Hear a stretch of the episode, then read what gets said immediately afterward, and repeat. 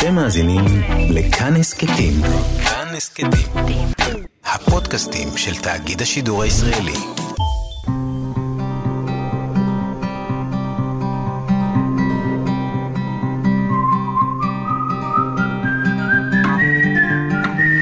אחת פלוס חמש.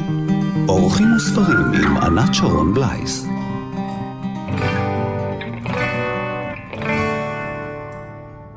קר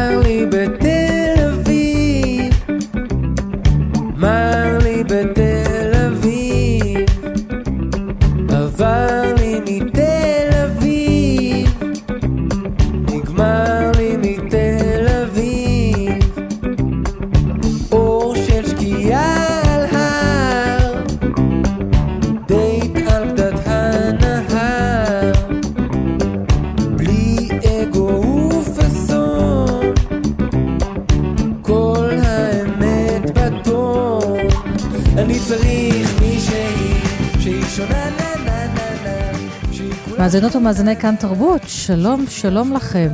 אחת פלוס חמש, כלומר אורח אחד באולפן עם הספרים, חמשת הספרים הכי אהובים ומשפיעים עליו, והיום אלון עדר, המוזיקאי, הזמר, היוצר, האיש אה, הנע ונד, מן המרכז לקיבוץ אמיר, מקיבוץ אמיר למרכז, ועכשיו אתה חי בפרדס חנה, נכון, אני אחזיר אותך לצפון עוד הפעם בתור צפונית. בטח. לא, ממש, אה, האמת שרוב העשור האחרון היינו בגליל העליון, וזה נכון. ממש הגשים את כל הקלישאות, היה טבע, ועשית בעשור הזה שמונה אלבומים. נכון. כאילו זמרים, אתה אפילו יודע, לא... תשעה, איזה אפילו אחד יצא. תשעה, וספר אקורדים שיצא נכון, עכשיו. יצא ספר אה, של כל התווים עשור, והמילים. עשור אתה פועל, אלון, אין דברים כאלה כמעט במוזיקה הישראלית. כזה, בימינו לא, אבל בעצם כל, ה... כזאת כמות יצירה. כל האגדות שהרצתי, אז היה משהו נורא יפה שבדיסקוגרפיה, וזה שהם מוציאים כל, שני, ש... כל שנה אלבום, ואתה כאילו רואה בטיימליין מה הם חשו. נגיד אריק? איינשטיין, כן. לא משנה, או אתה יודע, בוב דילן, או כל מי שפעל אז. כאילו, הם עשו אלבום כל שנה, זה לא היה זהה ברמה, אבל כאילו יכולת להבין איפה נמצאים, גם מוזיקלית וגם נפשית. וזה כיף כמו לראות יומן, כאילו... אתה בעצם יוצר מוזיקה כמובן, אבל סלאש המוזיקה היא היומן, כמו שאנשים כותבים ממש. יומן, ו- ואתה מחליט לשתף אותה איתנו. זה הבעיה, נכון, אני בכנות... לא, אני לא. אומרת זאת הבעיה. לא, האמת שגם מבחינתי זה לא הבעיה. רק לא נעים לי מהילדים שלי ככל שהם גדלים. למה? שאבא שלהם כאילו סיפר הכל, על הכל. מצד כן. שני, ככה זה. זה העולם זה שהם מה גדלו שעושים אליו. האמנים, הם תמיד. מספרים הכל על הכל. לא חשבתי שאני אהיה כזה, אבל כן. אני גם, אני חושב שזה יצא, טיפול פסיכולוגי עצמי בוודאות, כאילו, קרה החשיפה שכתבת המוגזמת הזאת. שיר ופתאום מחקת שורה? אה, מה, ב- ממקום נפשי או נפשי, או... טוב, כדי אמרת את. לשמור? כן. לא, בגדול, אלא אם כן יוטיוב ייכחד, אז הכל נמצא שם, זה קשה לצפייה ולשמיעה, ממש. ואת הקריירה שלך אתה מתחיל עם שירי משוררים בכלל, אתה מדבר על יומן, על חשיפה, אבל קודם אתה מתחבא בין המשוררים. נכון. וזה גם מתקשר לספרים שבחרת תכף אה, לגמרי. תשמעו. קודם כל זה בא מ... גם מרגשי נחיתות שאני חווה, אחווה בשעה הזאת, אוקיי. לגבי, לא זאת יודע, אומרת, אתה רוצה שאני אעשה לך גם טיפול, ואחר כך השיחה שלנו כן. תהפוך להיות אלבום זה כנראה. יהיה טוב. כן, היא ממוקלדת, אתה יכול לשים כן. לה מוזיקה ברקע. אה, אז זהו, אז אתה- מתחבא אצל. בין המשוררים. נכון, יש שם עמיחי, חלפי, יונתן גפן, יונה וולך. שמונה שירים. כן. מתי התחלת לקרוא כל כך הרבה שירה? אה, נראה לי שזה גם בעקבות אה, יוצרים שאהבתי, גרוניך, כספי, יוני רכטר, כאילו שהיה כזה המון כבוד ל... בכלל, הדור הזה... הלחין. הרבה שירי משוררים. כן, זה היה כאילו בתרבות. אבל גם השירים שבחרתי אז, היו שירים שגם הרגשתי שהם בשפה שאני יכול... אה, שהיא לא זרה לי מדי, שזה יכול... כאילו שזה לא שירה רחוקה מדי מבחינתי, אלא משהו שאני יכול להרגיש איתו קרוב, וגם נראה לי שהאווירה הכללית שהייתי בה הייתה חוסר מימוש. אז כל הטקסטים בגדול אה, מתעסקים בזה. בגיל 22 היה לי סרטן, נכון. זה היה משהו, משהו משמעותי, ודווקא הוא, הוא גרם לי, אולי זה גם אה, נדוש, אבל זה הביא הרבה פרופורציות, וזה כאילו התחיל להניע אותי. זה אף פעם לא לעבר, נדוש. נכון. זה אף פעם לא נדוש. המקום נכון. הזה שאתה פסע מן ה... לא להיות מן המוות הוא אף נכון. פעם לא נדוש. זהו, אז- זה רק הביא פרופורציות, כן. זה עשה מין משהו, איזה כאילו גל חיובי קדימה, ואחרי כמה שנים הגיע איזה פחד מוות וקושי לישון. כאילו קשה בא ב- בלילה בלי אדם. נכון. זה אחד השירים המצליחים מהאלבום שלך שאברהם חלפי כתב. נכון, גם שי צברי, הכין אותו נכון. הכין את זה אחר כך וקיבל הרבה. יותר צפיות. זה כבר קשה. לא, כי הוא בא אליי גם, והשמעתי לו כן. את השיר, הוא רצה שאני אכתוב לו שירים, ואז כן. הוא פשוט לקח את המילים ועשה חדש, אבל אני אוהב אותו. טוב, תכף נש- נשמע את זה עוד מעט, תתקשר בשמחה. בלילה. ועכשיו ספר. ספר, קודם כל תווים, כי כן, הלהקה. שלנו זה קודם כל מוזיקה, כאילו לפני שזה טקסטים. זהו, צריך לומר, אלון עדר פה לבד באולפן, אבל במופעים הוא בדרך כלל אלון עדר, וגם באלבומים ולהקה. נכון, אם כי יש לך גם אלבומי סולו וגם נכון. אלבומים איתם. נכון, אבל הלהקה היא ממש קולקטיב, כאילו גם אמנותית, עיבודים, הפקות, ומה שקרה בש... בשנים האחרונות זה... ושוב גם כתיבת זהו, זה מילים הדבר ביחד. הגדול שקרה, כאילו, ממש כתיבה משותפת. בעצם רן דרום, שמנגן גיטרה בלהקה, שאני מכיר אותו, היינו בתיכון ביחד, והוא היה בחור חילוני וחמוד, הוא חזר בתשובה מאז, אז הוא הגיע ללהקה דתי כבר, זה לא משנה כן. בעצם, אבל אה, זה מביא לו עוד איזה מטען אולי, או משהו שאנחנו יודעים פחות בלהקה.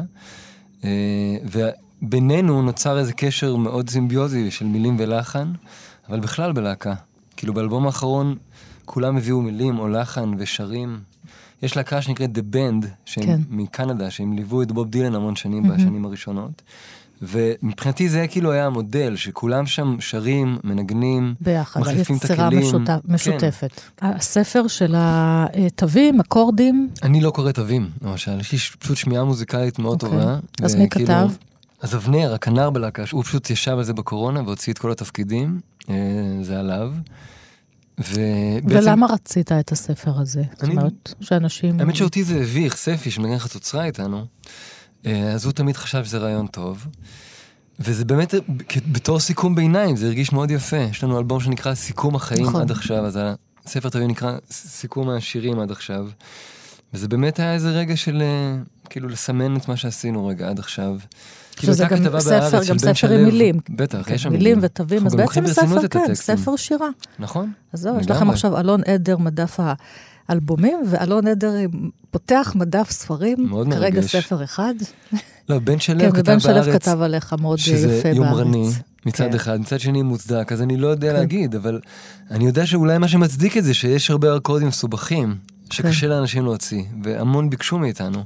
אז אפילו בקטע טכני, זה הרגיש נחמד שיהיה את ה... במקום לכתוב להם בפייסבוק כל פעם לשלוח אחד-אחד, פשוט לתת את הספר הזה, וזה גם, כן, זה חלום, לא שהעזתי לחלום אותו. מצד שני, גם בשנה האחרונה יצא לי לכתוב שני שירים לחווה אלברשטיין, שזה גם חלום שלא העזתי לחלום, אז אני מאוד uh, שמח על זה. מי פנה, מי היא... היא אתה- פנתה אליי, Mm. אבל השבוע אנחנו מקליטים ביום רביעי טקסט של לאה גולדברג מאוד יפה, איזה? שהוא אין לך זכות חנינה בעולם, Mm. הכל הוכרע, חלומותייך טובעים בים ואת אומרת שירה. אז זה יצא יפה, והיא תבוא להקליט את זה, ואני עכשיו בדיוק חושב האם להשאיר את עצמי, או פשוט להעיף אותי ולתת לחווה לשיר את השיר, כי זה... ואתה הלחנת. אני הלחנתי, והיא אהבה. זה לא יהיה עכשיו בתוכנית, כי זה ממש אה, בבישול, נכון. אז אתה אני גם רק רוצה שהיא. תשיר ותהיה בסדר. ושזה יצא.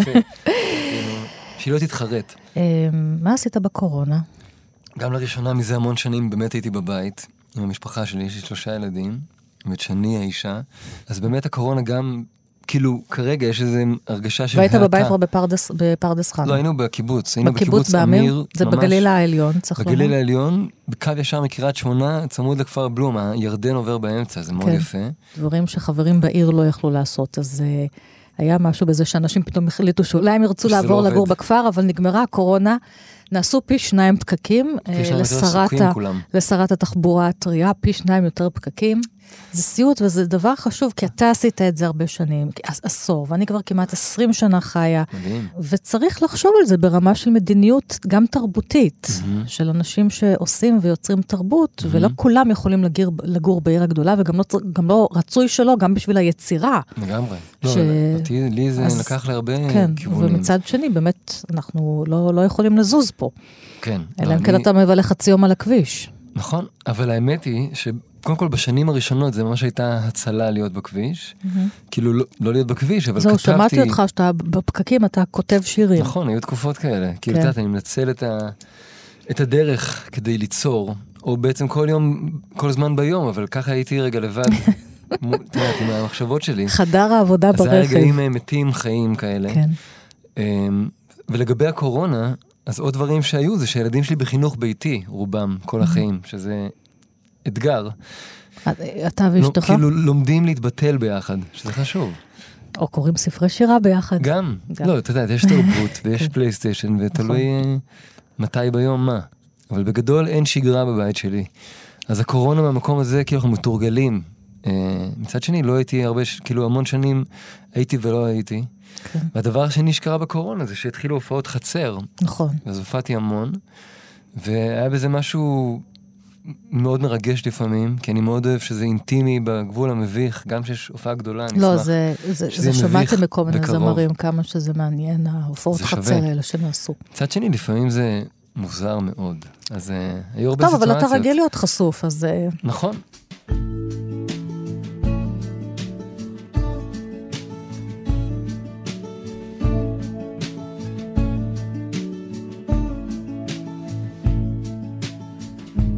קשה בלילה בלי אדם. לא טוב ביום עם אנשים.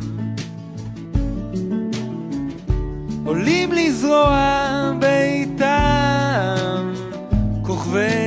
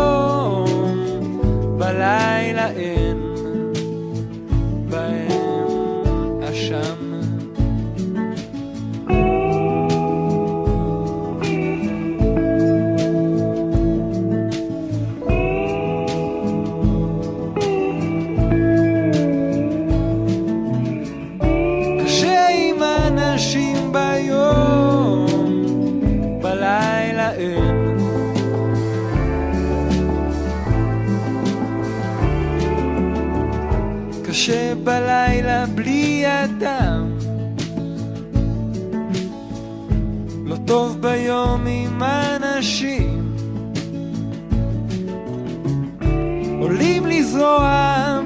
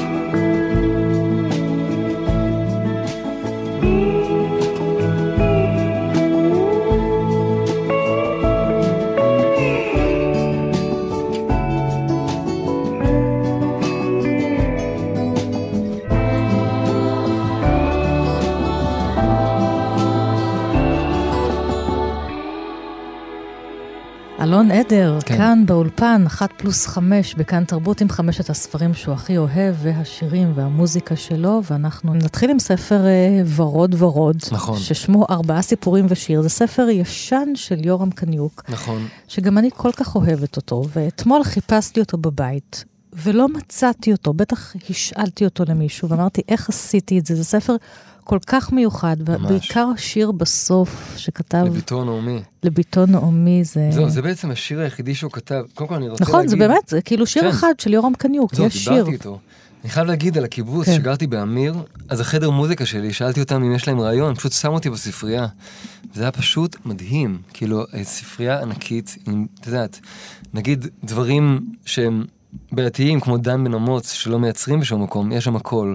ודברים עתיקים מפעם, ותרצה אתר, כאילו, ספרים שלא יודע, שלא... בקיצור, יש שם אוצרות, וכל כך נהניתי, לבלות שם שעות, ואת יודעת, להסתכל על ההיסטוריה של מדינת ישראל, כן, או כל דבר הספרות בעייתי. העברית. כן, דבר קשה אחר שקורה בקיבוץ, אבל זה היה מאוד מעניין. אה, רגע, ושם מצאת את הספר הזה? לא, זהו. שלא? התקופה הזאת, שנורא אהבתי את הכתיבה של קניוק בכלל, הרבה סיפורים שלו, הייתה לי תחושה שהוא כותב נורא לירי, כאילו, נכון. וששווה להלחין את זה. רגע, אבל איך אתה, איך הספר מגיע לעצמי- אליך? איך אתה, הספר הזה, הוורוד והישן? אני לא זוכר. אוקיי, כי זה לא, להיזכר. כי לפי דעתי אפשר למצוא אותו, הרבה מן הספרים שלו יצאו מחדש בידיעות בטח אחרונות, בחנות אבל יד זה לא. שנייה כלשהי כן. בתל אביב, כי אז גרתי ביפו, ואני זוכר שהייתה לי חברה והיינו פרודים לאיזה חודשיים, ואז הלחנתי כמה שירים, כאילו, זה אחד מהם, ובכלל, כאילו, אני, הלחנת זהו, לא את השיר, הלחנת את הקטע פרוזה. זהו, אני מאוד אוהב תרגילי כתיבה. אז הספר הזה, הכתיבה פשוט הרגישה שהיא שרה את עצמה. ועשיתי לעצמי תרגיל, ולקחתי משפטים אך ורק שהוא כתב, מתוך הסיפור, וערכתי אותם לשיר חדש. ואז הזמן עובר, וכבר גרתי ברחוב בילו בתל אביב, וגם היכן הוא. שיורם קניוק. הוא גר באותו נכון, רחוב. ברחוב בילו. ואז אני לא זוכר איך, אבל יצ- יצרתי איתו קשר, ונפגשנו, והוא התלהב נורא מהשיר, השמעתי וברחתי, ואחר כך אה, בעצם בתקשורת שלנו, במיילים, אז השיר, בעצם הטקסט כתוב שזה על שמו, שזה גם יפה. ואז הזמנו אותו, כאילו בגלל שהייתי, את יודעת, לא up to date בעולם, אז במופע השקה לאלבום הראשון, הוא היה האורח המיוחד, והוא פשוט לא בא, כי הוא הלך לישון, שזה ברור. זהו. אז אנחנו תכף נשמע את השיר מהאלבום, אבל עכשיו תקרא בבקשה את השורות. אז השיר והסיפור. נקרא. החיים היפים של קלרה שיאטו. ואני יכול להגיד שיש כאן המון המון התרחשויות, על סיפ... כאילו, וחיים ואהבה ומשפחה, בסיפור קצר. זה הרגיש כאילו מאה שנים של בדידות. אה... יש כאן אפילו שורות שסימנתי. כן, ויורם אה, קניוק, אני. חושבת, אמר גם על הספר הזה, שלקח מכל מיני באמת דו- אנשים מהמשפחה, אה, בטח את דודה שלום ציון הגדולה, מהמם. שהוא גם אה, סיפור אה, שנמצא בספר הזה, מבוסס על דודתי שרה, שהייתה יפהפייה וגם מרושעת. היה בה רוע, כזה רוע טהור, הוא דיבר על רוע טהור, והוא סיפר איך באחד הימים אימא שלו והעוזרת שלה הכינו לה מרק אטריות והם טרחו עליו שעות ארוכות, ואז אה, דודה שלום ציון מקרבת את הכף המרק אל פיה, תואמת ואומרת, קשה להשיג בימינו עוזרות טובות. אה, אז כן, היופי שברשע, גם על זה אה, יורם קניוק תמיד רצה לכתוב. יש. אצל האנשים, כן, יש וזה זה. דבר חשוב לו. מהמם. אז איזה שורות לקחת מהסיפור הזה, החיים היפים של קלרה שיאטו? מה לקחת מכאן? זהו, מהסקשן השני יש, בעלה ששון לקח אותה לעיירה קטנה ביוון על חוף הים. עכשיו, השיר נפתח ב-היא. היא אהבה את הים הנוכח, את החול, ואמרה בליבה, כל חיי אדוני, תן לי לחיות על יד ים. אני, אלון, גם מאוד רציתי כל חיי לחיות ליד הים. ועכשיו גרנו ליד הנחל, אבל בגדול החלום זה לגור קרוב לים. אני רוצה למות עם השקיעה היורדת לתוך האופק, כשהשמיים האדומים נושקים את אדוות המים. ששון היה מוביל דברים בעגלה רתומה לסוס, ונולדו לה חמישה ילדים. משהו בתוכה ציפה שיהיו להם עיניים שגונן ירקרק זהוב, אך הנה ילדיה היו כעיניו האפלות של ששון. רק לחמישי היו עיניים שגונן ירקרק זהוב. היא למדה לאהוב את ששון בעלה במסירות זכה, זכה ושקטה. הוא היה איש רך ונעים, והיה לוחש לה מילים מתוקות, ובלילה כשהיה עושה לה ילדים, היה בוכה. השיר הולך, היא אהבה את הים הנוכח, את החול ואמרה בליבה, תן לי לחיות על יד ים, אני רוצה למות עם השקיעה יורדת אל תוך האופק, כשהשמיים האדומים את אדוות המים נושקים, ובא אליי המוביל דברים, בעגלה רתומה לסוס. הוא היה איש רך ונעים, והיה לוחש לה שירים, מילים מתוקות, והוא שר לה שירים עצובים, בשפה בלתי מובנת לה, ובלילה כשעשו ילדים היה בוכה, וואו. כזה. אז הוא אהב את זה. איזה יופי. תודה. כמו שיר ארז שרת לי עכשיו. כן.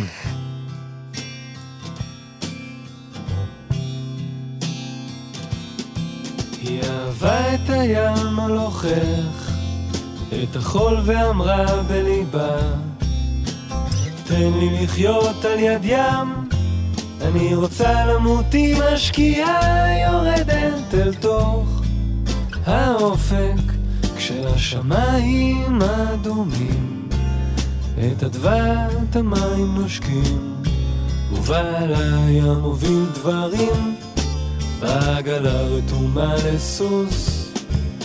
הוא היה איש רך ונעים, והיה לוחש לה מילים מתוקות, והוא שר לה שירים עצובים, בשפה בלתי מובנת לה.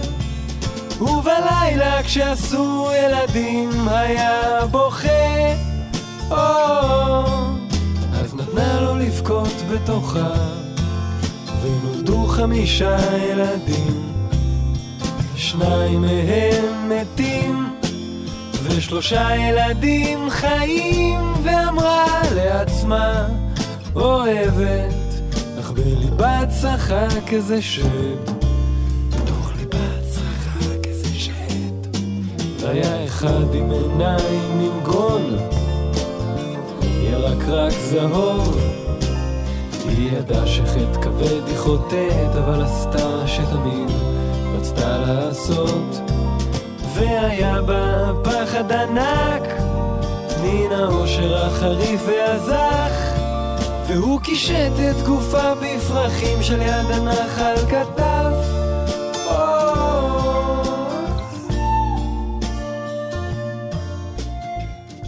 ואני חייבת אבל גם קצת לקרוא מהשיר היחיד של אה, יורם קניוק, ביתי. האמת שגם בדיעבד, אה, כאילו... זה שיר ארוך, אני לא אקרא את כולו. הייתי כן. בקשר עם נעמי, גם כן. בעקבות הפגישה איתו.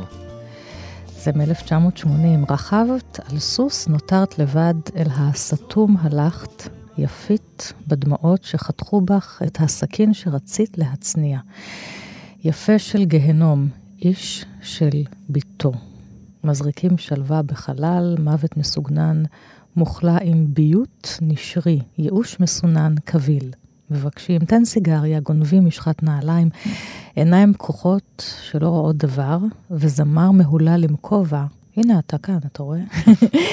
משוחק כאן על ידי איש חתול, הוא אומר שהוא שימי תבורי, ושאת אנה פרנק.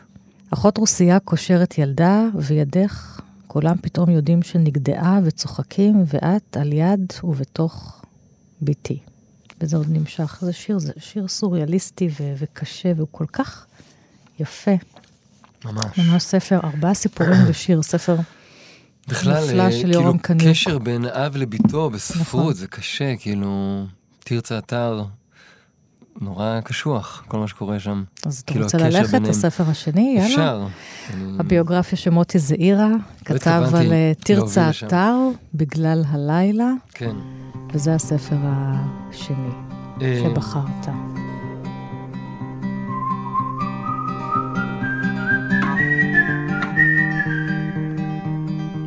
תמיד הייתה לי תחושה שבשירים שלה יש, יש שם איזה עומק, כאילו, אחר. היא הצליחה גם לדבר בשפה היפה שלה, וגם יש לה איזה חדות תמיד, כאילו, לפחות במה שבחרו להלחין. ואני ממש עברתי תהליך של התאהבות בה, כאילו, שקראתי את הספר, אתה יודע, במישהי לא קיימת מבחינתי. וזה היה אבל פשוט קודם הכרת, התאהבות אמיתית. קודם הכרת את השירים שלה, ואחר כן. כך יצא הספר, כי הוא יחסית חדש. אבל קראתי את כן, את הש- את השירים כן. בתור התחלה, האמת שהוא לא, גם דרך ספרי שירה שלה. זה לא כן. נכון להגיד שרק דרך השירים הפופולריים. אבל ממש חוויתי התאהבות בה, רציתי כן. לפגוש אותה, כאילו הייתי באובדן על מישהי שלא הכרתי. אוקיי. עכשיו אתה קורא בעצם קטע שמוטי זעירה כתב מהביוגרפיה. כן, אז זהו, זה מה- באמת בשנים הראשונות יש משהו בוסרי, אבל מרגש, וכבר איזה ניצוץ חזק של כישרון. בגיל 13 עשתה תרצה ניסיון ראשון בכתיבת יומן. שנתיים לאחר מכן, כשתהיה בבית ספר התיכון, תחל לכתוב יומן רב-מימדים שילווה את שנות התבגרותה, ועל כך עוד יסופר. עתה על התפר בין הילדות להתבגרות, היה זה עדיין ניסיון בוסרי, בסגנון קמתי, התרחצתי, הלכתי לבית ספר, אכלתי, הלכתי לישון. מדי ערב, רגע לפני השינה, כתבה בכתב יד עגול במחברת צרה, וסיימה בכל פעם במילים לילה טוב. אך עם כל בוסריותו, מאפשר לנו היומן הצצה בלתי אמצעית אל חיי היומיום של הנערה הצעירה. תלמידת כיתה ח'. היום היו שש שעות בבית ספר. דיווחה ביומנה ב-20 בינואר 1954. גיאוגרפיה עבר בשלום. עברית עבר בשלום. טבע עבר בשלום ועם רעש. תפירה עבדתי קצת, גמרתי לי תיק אוכל. הצחקתי ילדים וילדות, ונסעתי הביתה. שלושה ימים אחר כך כתבה, בערב הלכתי עם אמא לטייל, אחרי זה אכלתי סמיץ' של ביצי דגים אצל פלוטינסקי, וארבעה ימים מאוחר יותר כתבנו בעברית חיבור על דמות. כתבתי על ביאליק, די הצלחתי בחיבור.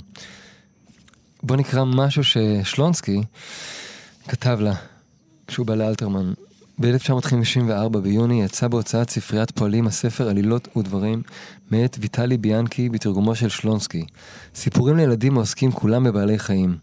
שלונסקי הגיע לביתו של אלתרמן והגיש לתרצה את הספר שבעמודו הראשון כתב לתרצה בת רחל, הבת לנתן, למקרא עונג והשכל, שי ומתן. מתח חתום מטה, מעומק לבבו, רק זאת לעת עתה, והמשך יבוא. היה זה סוף שנת הלימודים, תשי"ד, תרצה סיימה כיתה ח' והייתה בשלה לחלוטין לפרק הבא בחייה. ויש כאן תמונה מ-41. זה מה שקורה פה. אני פשוט, אה, גם בקטע כרונולוגי, זה נורא מעניין לראות את הכתיבה שלה, שבאמת מתחילה דרך יומן, ומשהו בוסרי יחסית, ו...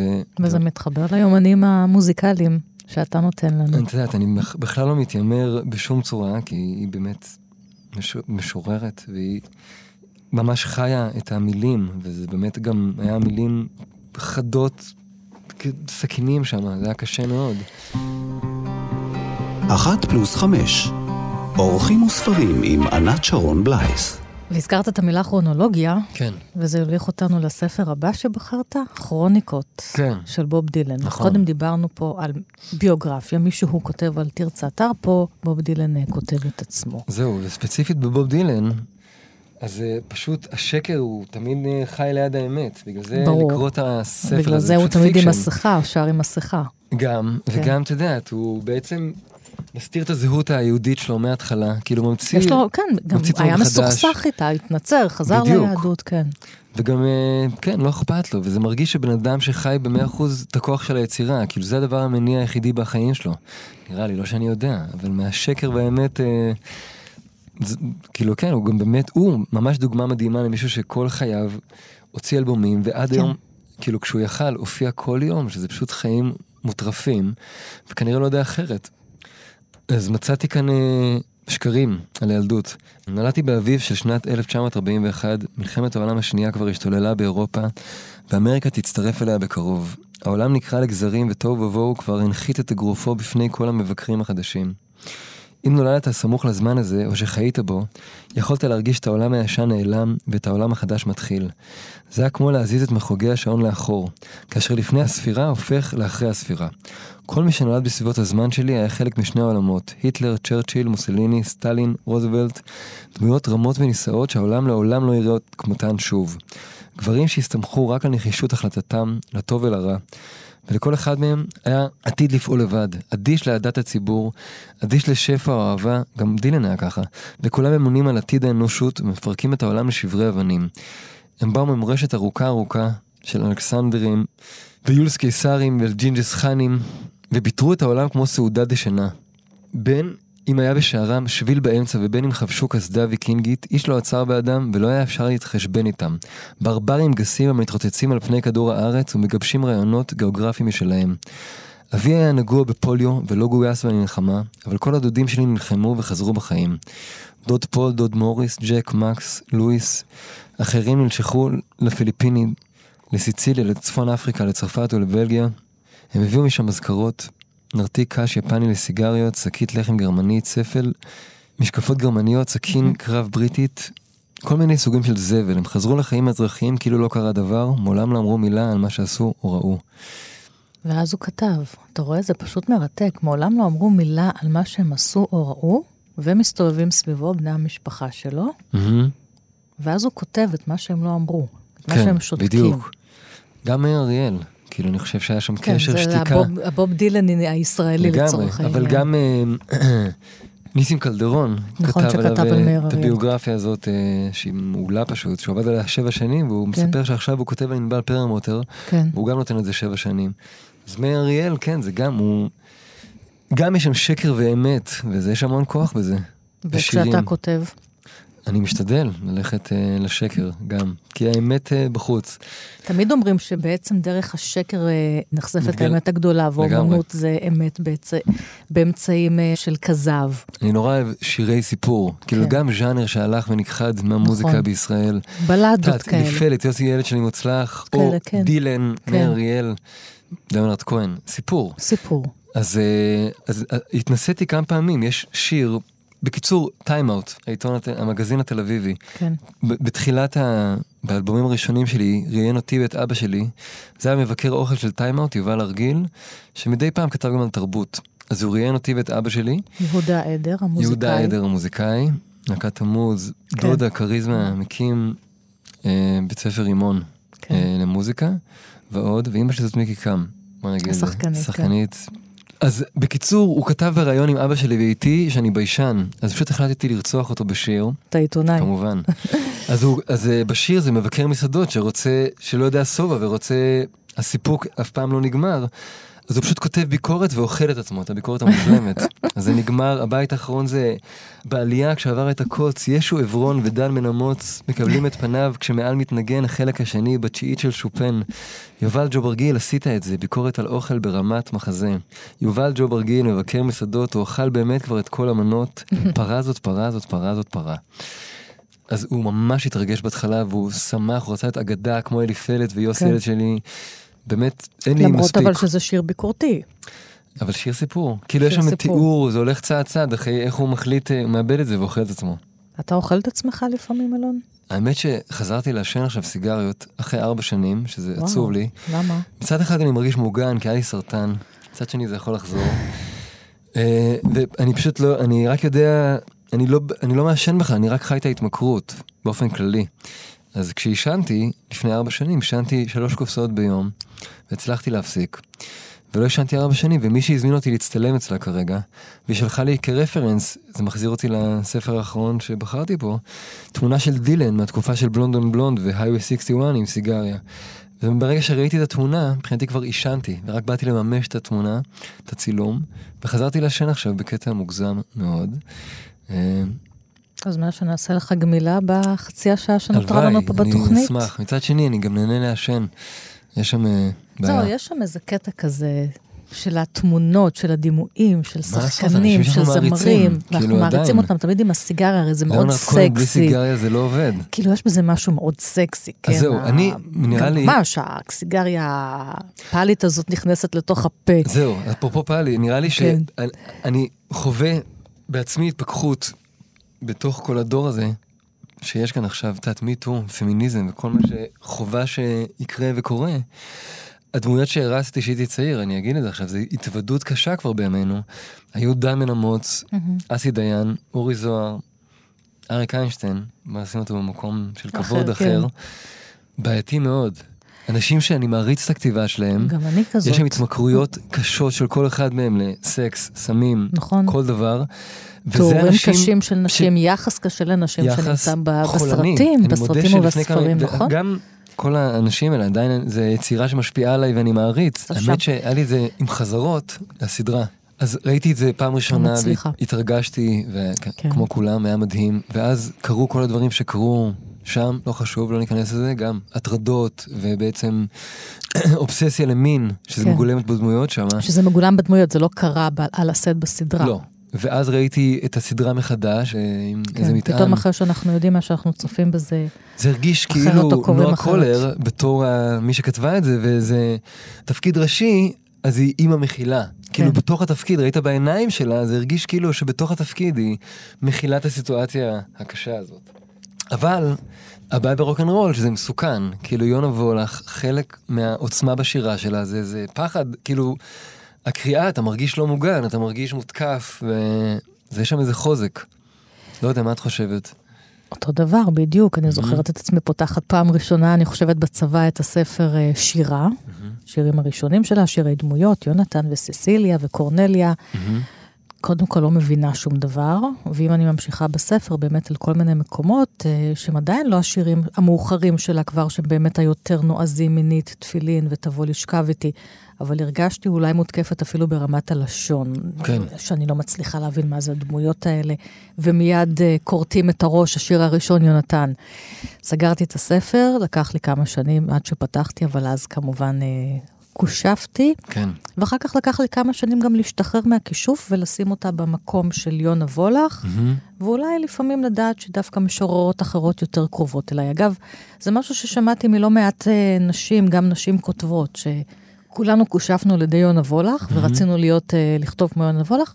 הייתה משהו ייחודי, לא? היא כאילו כן, המציאה את כאילו הדבר, כן. את השפה הזאת כשהתבגרנו שלה. פתאום חזרנו חזרה אל תרצתה, האמת או דליה היא רביקוביץ', או באמת לא זלדה. הת- לא סיימה את הבגרות, כאילו היא לא התבגרה.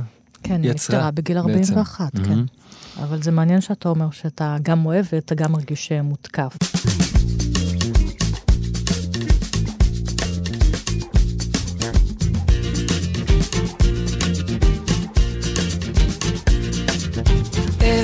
ואיך שיש לסבך הכל בסימן קריסה איפה היית? למה תלית ככה את הכביסה?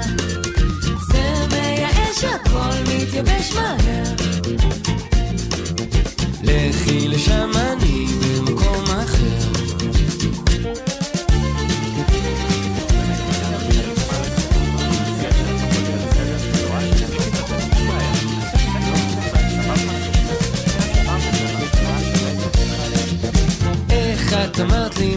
שאמרת לי, נו כבר שכחתי מה. שוב נעלמתי דום כשהלמת בי, אך איזו מהומה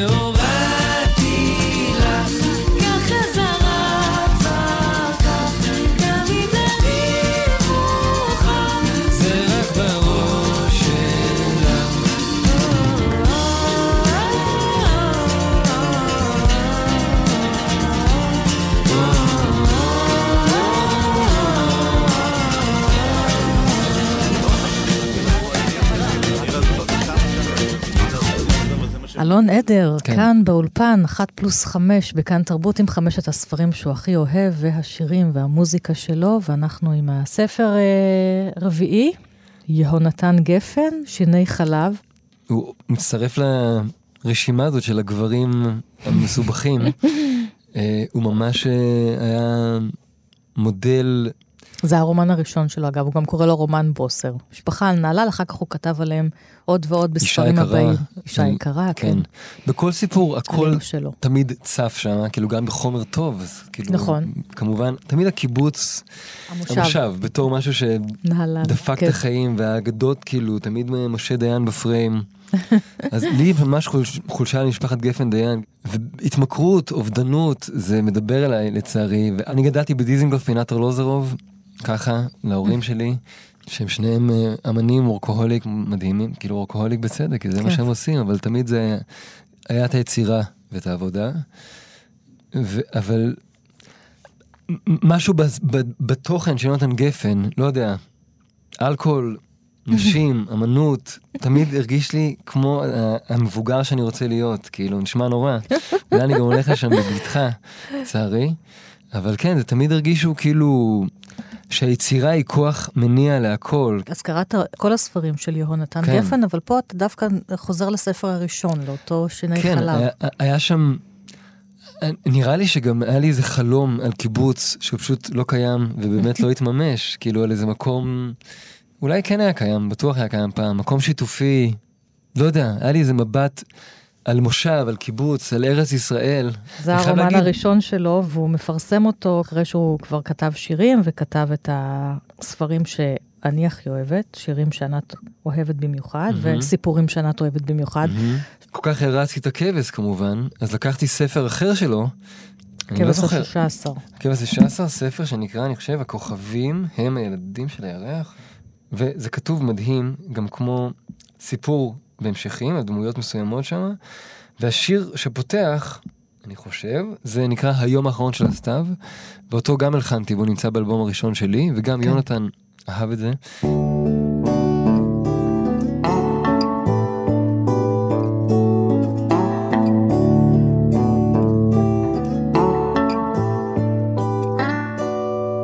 ביום האחרון של הסתיו,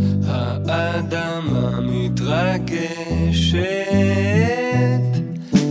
גשם, גשם, תרד עכשיו לפני שאני מתייבשת.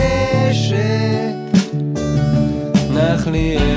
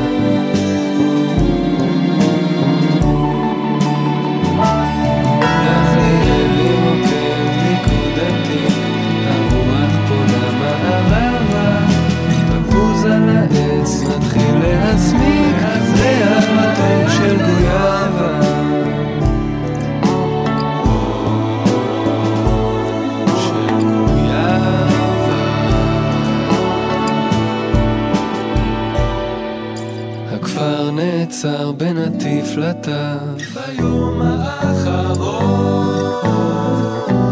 האחרון של הסתיו.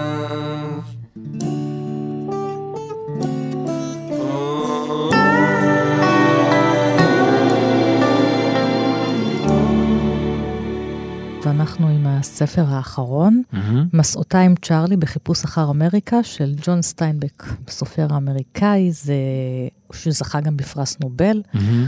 ראה אור בהוצאת אחוזת בית, וסטיינבק, אה, הסופר המאוד חברתי, הסופר שגם כתב על היחס של הלבנים לשחורים, הסופר של ענבי זעם, אה, עוד סופר, אתה אומר, שמתקיף אותך, ממש. אבל כדי לשנות את האנושיות שלך, להפוך אותך לאנושי, מה שהם נתקלים בו, אני נורא זה איזה... סיפור מסע. סיפורי מסע, זה מה שאני מנסה להגיד, כאילו כמובן בדרכים, כן, אבל גם המינגווי, שתמיד הוא הולך מאיפשהו לאיפשהו, וכאילו, תמיד זה בתנועה.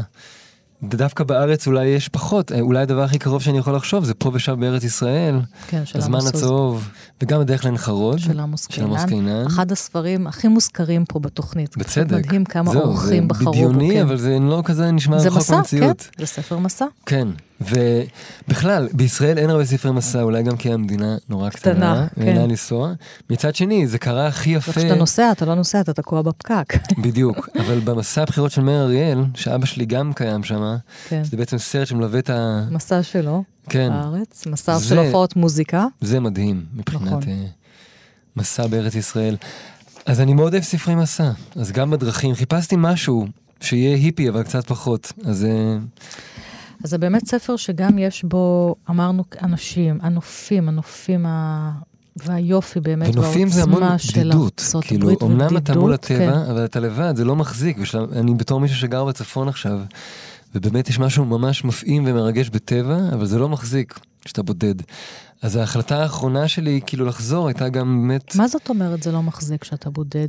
הייתי. המון לבד, זה כאילו הטבע נורא יפה, אבל זה פשוט לא שווה בני בני אדם, זה ה- התחושה האחרונה שלי. בוא נקרא קצת לא מהפתיחה? של הספר. אמ, אני חושבת ש... שאני גם וגם. אוקיי.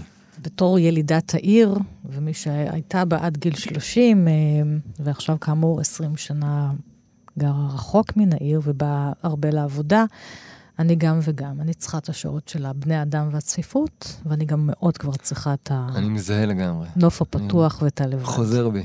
אני צריכה גם וגם. לא, ההבנה האחרונה רגל הייתה פה, שלי רגל ש- שם, כמו ש... שהטבע לא, לא, הוא לא שווה לי בפני עצמו, כאילו. כן. הדבר אתה רוצה. לחלוק אותו עם מישהו. כן. הפתיחה של מסעותיים צ'ארלי אוקיי. באמריקה, ג'ון סטיינבק. כשהייתי צעיר מאוד ורבץ על הדחף להיות במקום אחר, הבטיחו לי אנשים בוגרים שבגרות תרפא את הגירוי הזה. כשעל פי מניין השנים נחשבתי לאדם בוגר, הייתה התרופה שרשמו לי גיל העמידה. בגיל העמידה הובטח לי שגיל מופלג יותר ירגיע את הקדחת שבי. ועתה, כשאני בן 58, אולי סניליות תעשה את העבודה. שום דבר לא פעל. ארבע צפירות צרודות של צופר אונייה עדיין מסמרות את השיער של עורפי, ומקפיצות את רגליי לנקישה. קול של מטוס סילון, של מנוע מתחמם, אפילו קול נקישות של פרסות הברזל של סוסים. נושאים עמם את הרעד הנושן, את הפה היבש והעין הבוהה, את כפות הידיים החמות ואת הקיבה המתהפכת גבוה מתחת לצלעות. במילים אחרות, אני לא משתפר. ובמילים אחרות יותר, בטלן נשאר בטלן. אני חושש שהמחלה חשוכת מרפא. אני מציין את העובדה הזאת לא כדי שאחרים ילמדו ממנה, אלא כדי להבהיר אותה לעצמי. יפה. גם אה, בוקובסקי, מבחינתי, הוא באותו ז'אנר. צ'ארלס בוקובסקי כן, המשורר. מישהו שמטייל, ותוך כדי הוא במסע הרס עצמי בעצם, אבל הוא מטייל תוך כן, כדי. הוא מטייל והרס עצמי, זה יפה כמו שהגדרת את זה, ואת התרגום הזה עשתה צילה אלעזר. מסעותיים צ'ארלי בחיפוש אחר אמריקה של ג'ון סטיינבק, אה, מ-1962, הרבה ספרים שלא תורגמו לעברית, אני חושבת שכמעט כולם, ובאמת הידועים שבהם, גם על עכברים ואנשים, וענבי זעם כאמור, זה עוד משנות ה-30, גם הפכו להיות סרטים חשובים. האיש שבאמת מתאר את מעמד הפועלים, יש- וגם מה הלבנים עושים לשחורים. פעם היו תקופות שהייתי... וגם קדמת עדן, גם הפך להיות נכון. סרט. מה רצית לומר? רציתי לומר שהיו תקופות שהייתי קורא הרבה יותר, והייתי גם מנותק מהעולם הרבה יותר, אז הייתי יותר נותן לעצמי לעוף לשם. מה אנחנו חותמים עם איזה שיר שלך? עם איזה שיר שלי? אמ, אתה בוחר. מה עכשיו חותמים? אפשר את גופי היה חכם ממני של יונה וולך. אלון עדר, המוזיקאי, היוצר, קורא הספרים, תודה רבה לך תודה שהגעת לך. לפה עם הספרייה הקטנה שלך. אני ענת שרון בלייס, כל תוכניות אחת פלוס חמש תמיד זמינות לכם בעמוד ההסכתים של תאגיד השידור, ועוד פרטים בדף הפייסבוק של כאן תרבות ובדף הפייסבוק שלי. תודה לכם, להתראות. תודה ענת. גופי היה חכם ממני כוח הסבל שלא היה פחות משלי. הוא אמר די, כשאני אמרתי עוד. גופי גופי הפסיק, כשאני עוד המשכתי, ואני עוד המשכתי. גופי לא יכל, כשל, ואני קמתי, ונאלצתי ללכת וגופי אחריי. הוא אמר די, כשאני אמרתי עוד. גופי גופי הפסיק